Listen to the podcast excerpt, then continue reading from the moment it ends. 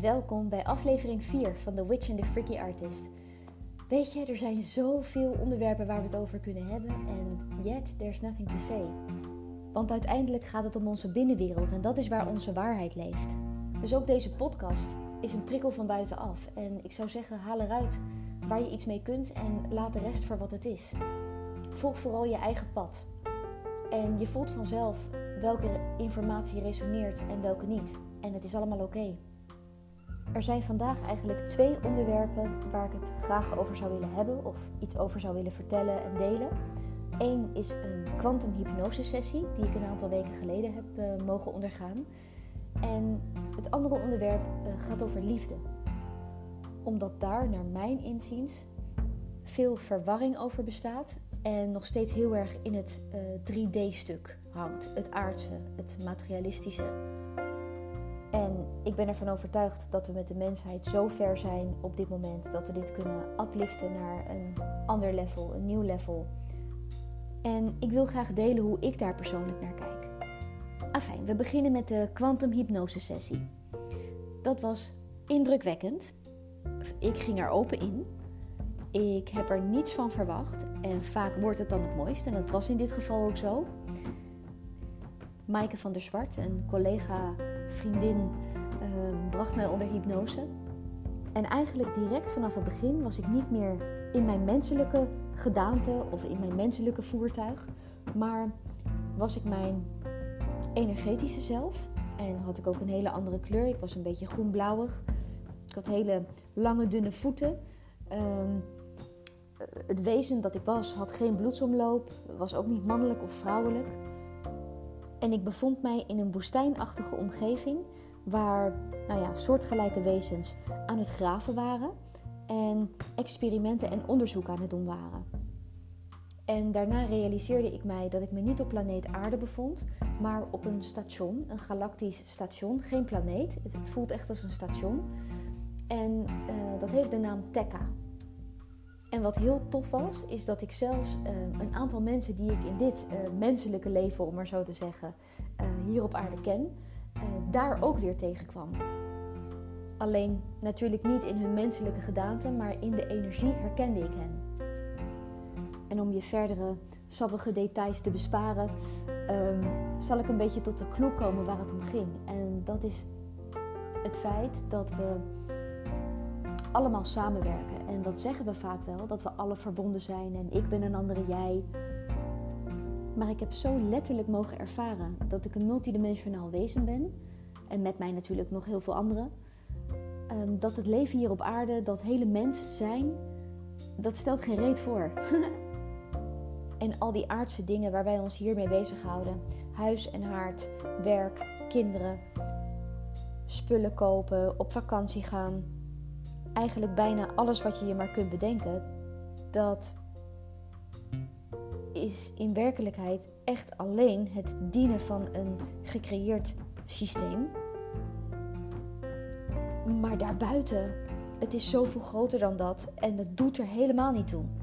Het is helemaal niet waar het over gaat. En dat brengt mij meteen op het onderwerp liefde. Liefde zoals wij dit hier op aarde kennen, het setje, mannetje, vrouwtje, vrouwtje, vrouwtje, mannetje, mannetje, seks.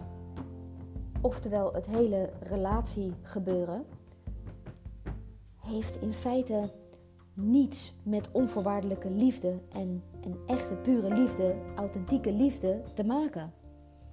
En nu zijn er al heel veel zielen hier op planeet Aarde die dat al lang weten en gevoeld hebben. Alleen wordt dat door het gros van de mensen zo ontzettend verkeerd geïnterpreteerd. En daarom, naar mijn mening, heerst er nog zoveel jaloezie, misgunnen, uiterlijk vertoon. Het zijn wederom allemaal prikkels van buiten naar binnen die ons weghouden van het werkelijke contact met de bron binnenin onszelf. Weer die afleidingsmanoeuvres. Liefde kun je namelijk voelen met je ogen dicht. Het gaat om voelen. En ik ben ervan overtuigd wanneer je in staat bent om door de illusie heen te prikken van die uiterlijke buitenwereld en wanneer je je richt naar je binnenwereld en vanuit daar verbindt in een gevoel van liefde, dat er dan hele andere mensen in je omgeving zullen zijn dan wellicht nu. En wat ik eerlijk gezegd ook een dooddoener vind, is dat wanneer je een relatie hebt met iemand, uh, dat je daarnaast niet van andere zielen, mensen, personen, whatever, zou kunnen houden. Dat is onzin. Liefde is grenzeloos. Maar hé, hey, dan komt dat systeem weer om de hoek kijken.